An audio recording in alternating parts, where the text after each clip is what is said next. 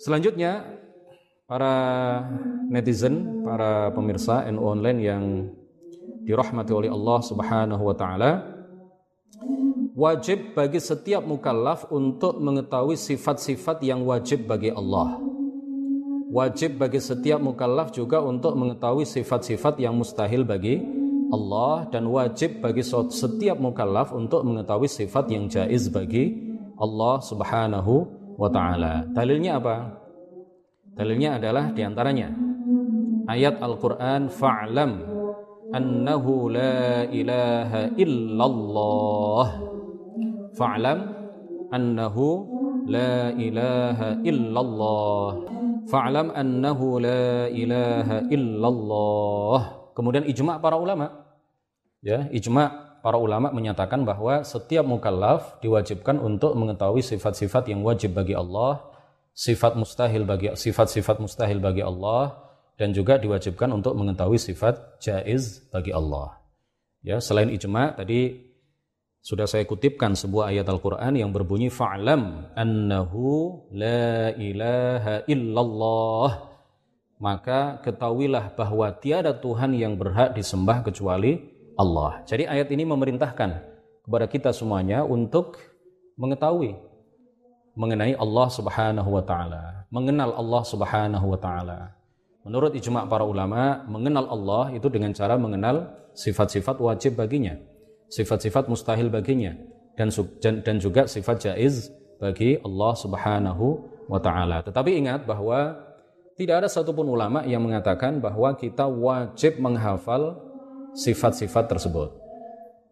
Jadi kalau menghafal sifat-sifat Allah, wujud, qidam, baqa, mukhalafatuhu lil hawadith, kemudian lawan dari sifat wujud itu adalah adam, lawan dari mukhalafatuhu lil hawadith adalah mumathalatuhu lil hawadith eh, dan seterusnya menghafal lafat ya menghafal lafat sifat-sifat Allah itu bukan fardu ain tetapi ini adalah hukumnya fardu kifayah. Yang fardu ain atas setiap mukallaf adalah mengetahui sifat-sifat yang wajib bagi Allah sifat-sifat yang mustahil bagi Allah dan sifat jaiz bagi Allah Subhanahu wa taala. Adapun menghafal nama-nama sifat itu dalam bahasa Arab ya ataupun dalam bahasa Indonesia atau dalam bahasa apa pun maka ini adalah hukumnya fardu kifayah. Kalau sudah dilakukan oleh sebagian orang maka sebagian yang lain gugur kewajibannya Nah, mengenai ayat fa'lam annahu la ilaha illallah.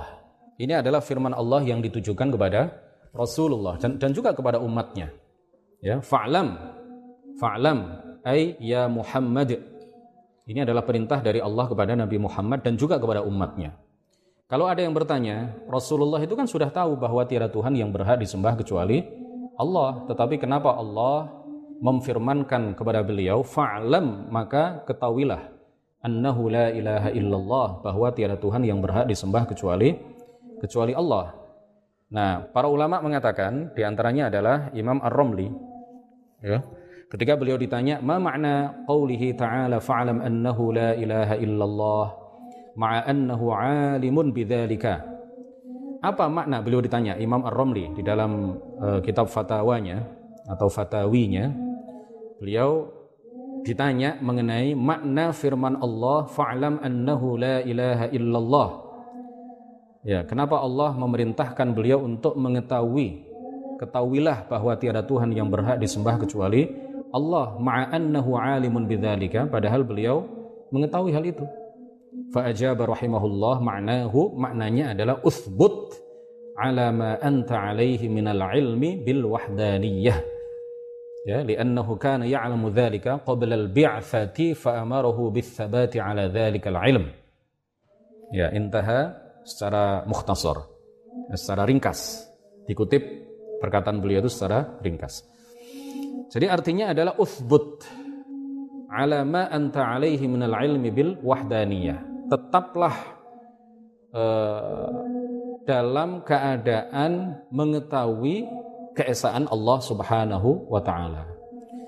Jadi beliau karena sudah tahu jadi arti fa'lam di situ artinya adalah ay uthbut ala ma anta alaihi minal ilm bil wahdaniyah.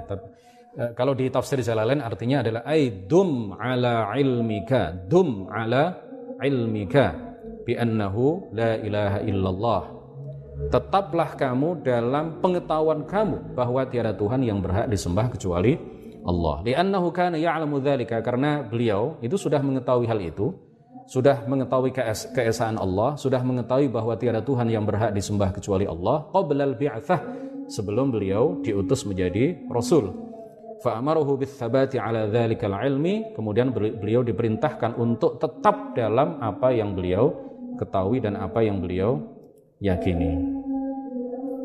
Jadi faka'annahu qala lahu ya Muhammad uthbut ala ma anta alaihi minal ilmi billah.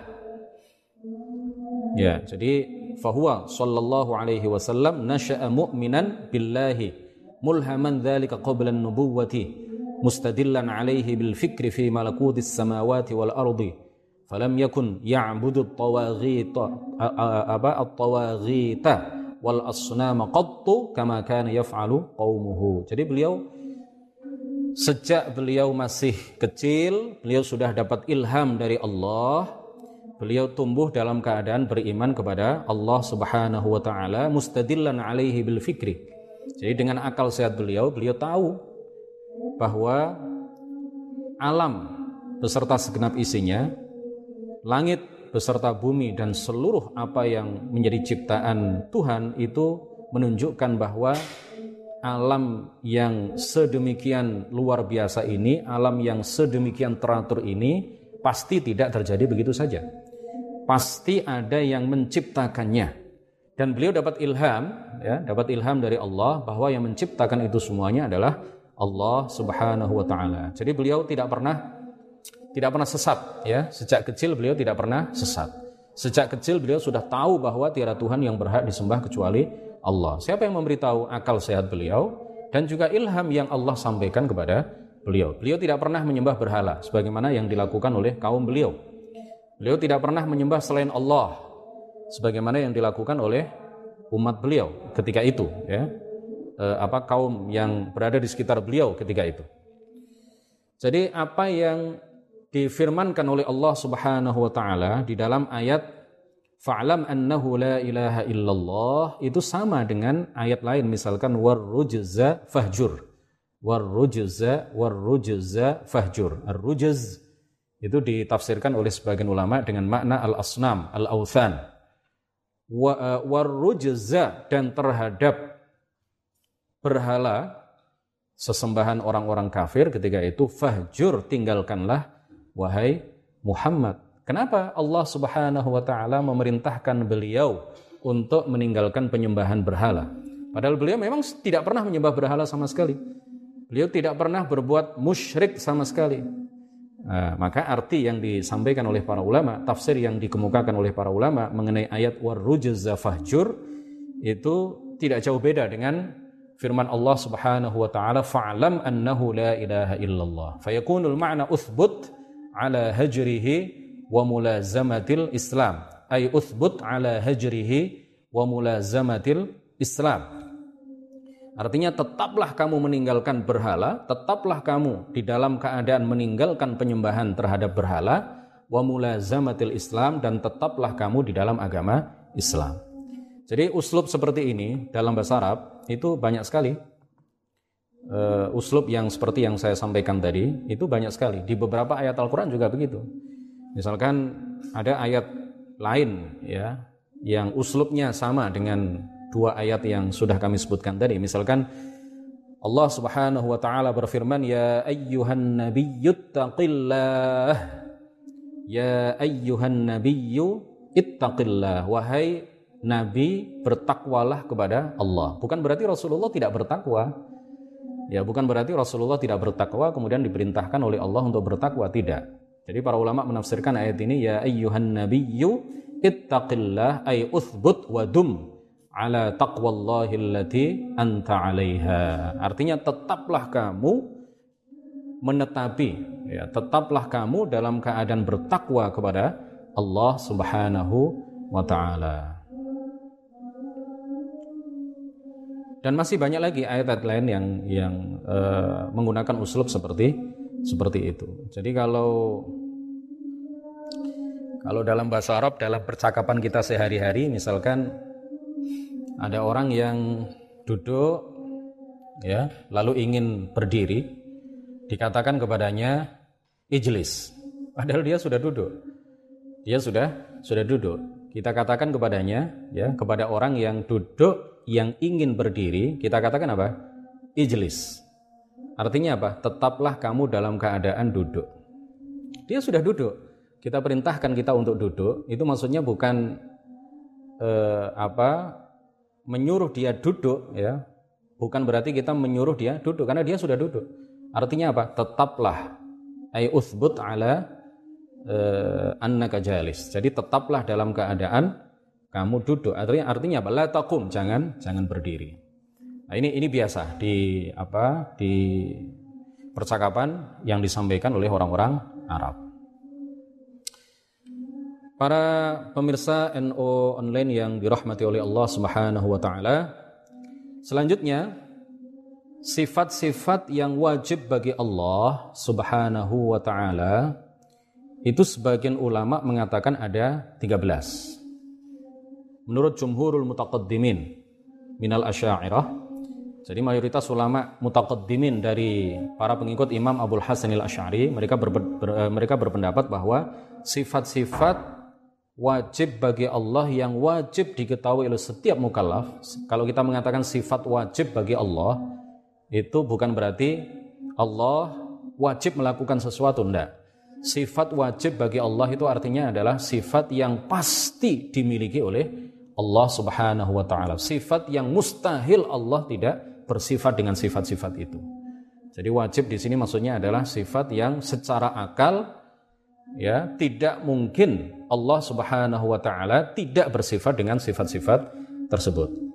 Sekali lagi, sifat wajib bagi Allah yang wajib diketahui oleh setiap mukallaf itu menurut al-mutaqaddimin, ya jumhurul mutaqaddimin minal asy'ariyah, mayoritas ulama mutaqaddimin dari kalangan Asy'ariyah atau Asy'ariyah itu ada 13. Sedangkan menurut Al-Baqillani dan banyak sekali para mutaakhirin di kalangan Asy'ariyah dan Malikiyah mereka berpendapat bahwa sifat-sifat wajib bagi Allah yang wajib diketahui oleh setiap, setiap mukallaf itu adalah dua, 20. Jadi ini sebenarnya perbedaan lafzi.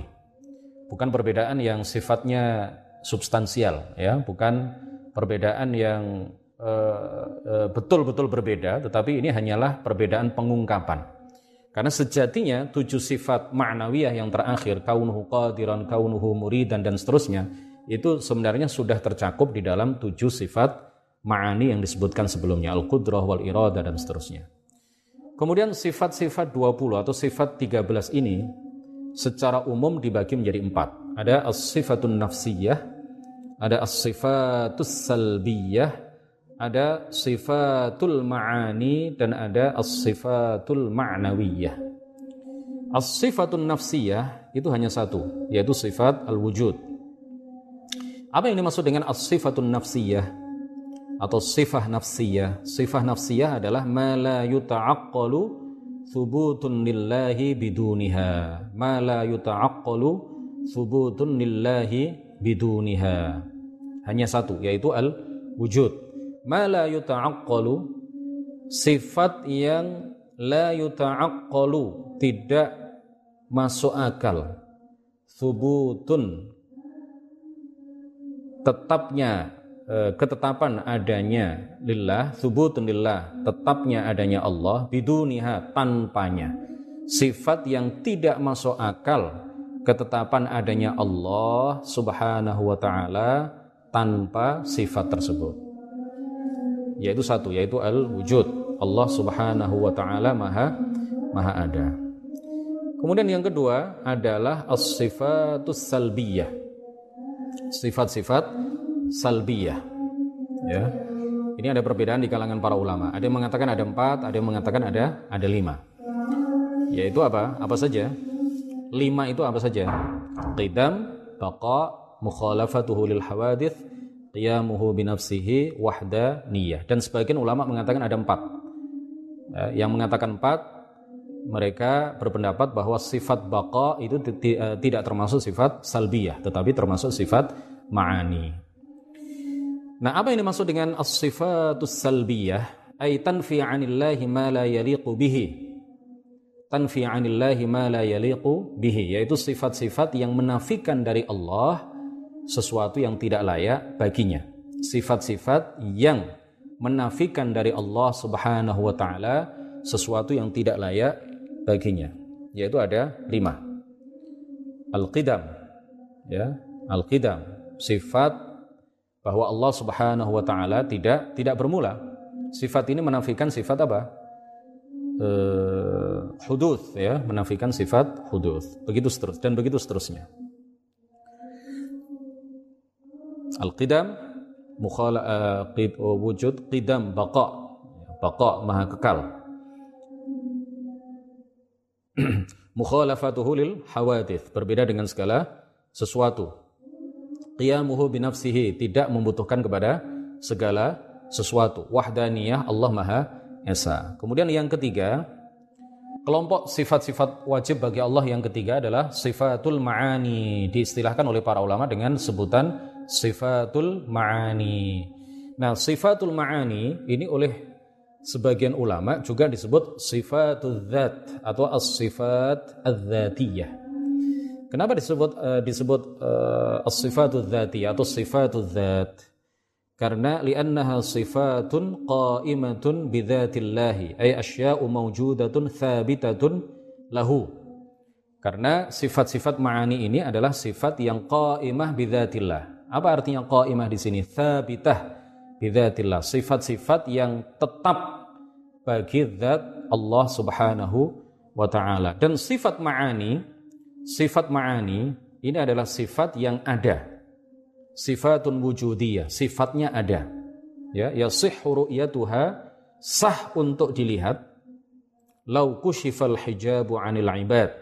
Seandainya hijab itu dihilangkan dari para hamba. Jadi seandainya Allah Subhanahu wa taala, seandainya Allah seandainya ada kata-kata seandainya.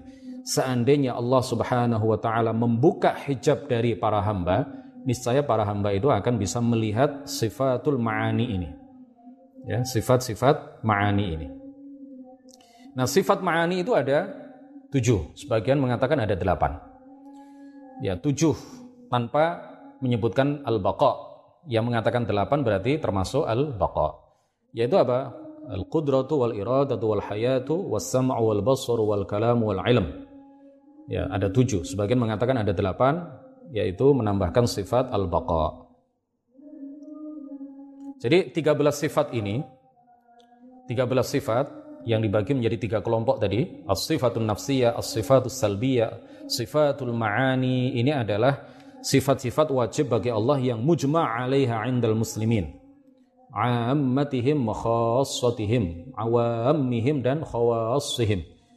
Jadi para ulama baik Eh, orang-orang yang berilmu, ya para ulama ataupun orang-orang awam, semuanya ijma sepakat menyatakan bahwa Allah Subhanahu wa taala bersifat dengan 13 sifat sebagaimana yang tadi sudah kami sebutkan. Jadi 13 sifat ini adalah adalah syarat-syarat ketuhanan. Tidak mungkin Tuhan itu tidak bersifat dengan salah satu dari 13 sifat ini.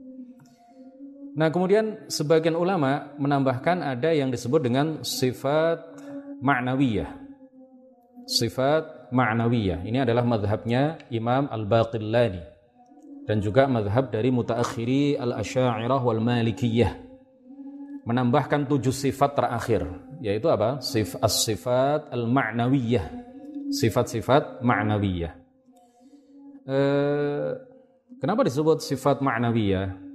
Ya, ai bithubuti ya, mereka me, me, apa, mengatakan bahwa Allah itu disifati dengan sifat ma'nawiyah.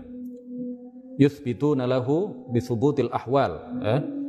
yuthbituna lillahi subhanahu wa ta'ala al ahwal ay bithu ay bithubuti sifatin lidzati mulazimatin li sifatil ma'ani as-sab' jadi artinya bahwa sifat ma'nawiyah ini dengan ditetapkannya sifat ma'ani tujuh sifat ma'ani sebelumnya maka ditetapkanlah pula sifat ma'nawiyah yang tujuh. Jadi dengan ditetapkannya sifat kudrah, maka kita juga menetapkan bahwa Allah Subhanahu wa taala itu kaunuhu qadiran.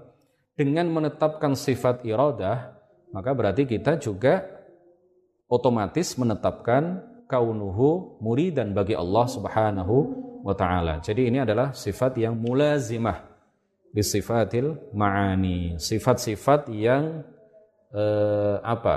Eh, konsekuensi dari penetapan sifat ma'ani, maka kita juga harus menurut madhab yang ini menetapkan bagi Allah sifat ma'nawiyah. Dengan ditetapkannya sifat al-ilm bagi Allah Subhanahu wa taala, maka kita mengatakan bahwa Allah itu bersifat kaunuhu aliman. Dengan ditetapkannya sifat kalam bagi Allah, maka otomatis kita juga mengatakan kaunuhu mutakalliman. Nah, berbeda dengan pendapat jumhur al-mutaqaddimin minal asy'ariyah sebagaimana pendapat yang pertama yang menyatakan bahwa sifat-sifat wajib bagi Allah itu hanya 13 mereka mengatakan bahwa e, sebenarnya tujuh sifat yang terakhir yang yang diistilahkan dengan as-sifat al-ma'nawiyah itu sudah tercakup di dalam sifatul ma'ani. Jadi kalau kita mengatakan kaunuhu qadiran ya dengan mengatakan bahwa Allah itu memiliki sifat kudrah itu nggak ada bedanya. Tidak ada bedanya menurut jumhur al-mutaqaddimin minal asy'ariyah. Jadi seperti yang kami sampaikan di awal tadi bahwa ini hanyalah perbedaan yang lafzi, perbedaan hanya dalam pengungkapan saja. Sejatinya mereka secara substansi itu tidak berbeda. Demikian kajian kita pada malam hari ini insya Allah pada pertemuan selanjutnya akan kita bahas Bait nazam yang keenam, fallahu mawjudun qadimun baqi mukhalifun lil khalqi bil itlaqi. Demikian singkat mudah-mudahan pada dan penuh manfaat, mudah-mudahan menjadi ilmu yang bermanfaat, mudah-mudahan membawa barokah bagi kita semuanya. La ilaha illallah, Allahumma salli ala sayyidina Muhammad wa ala alihi wa sahbihi wa sallim. Rabbi ighfirli wa liwalidayya wa lil mu'minina wal mu'minat. Wassalamualaikum warahmatullahi wabarakatuh.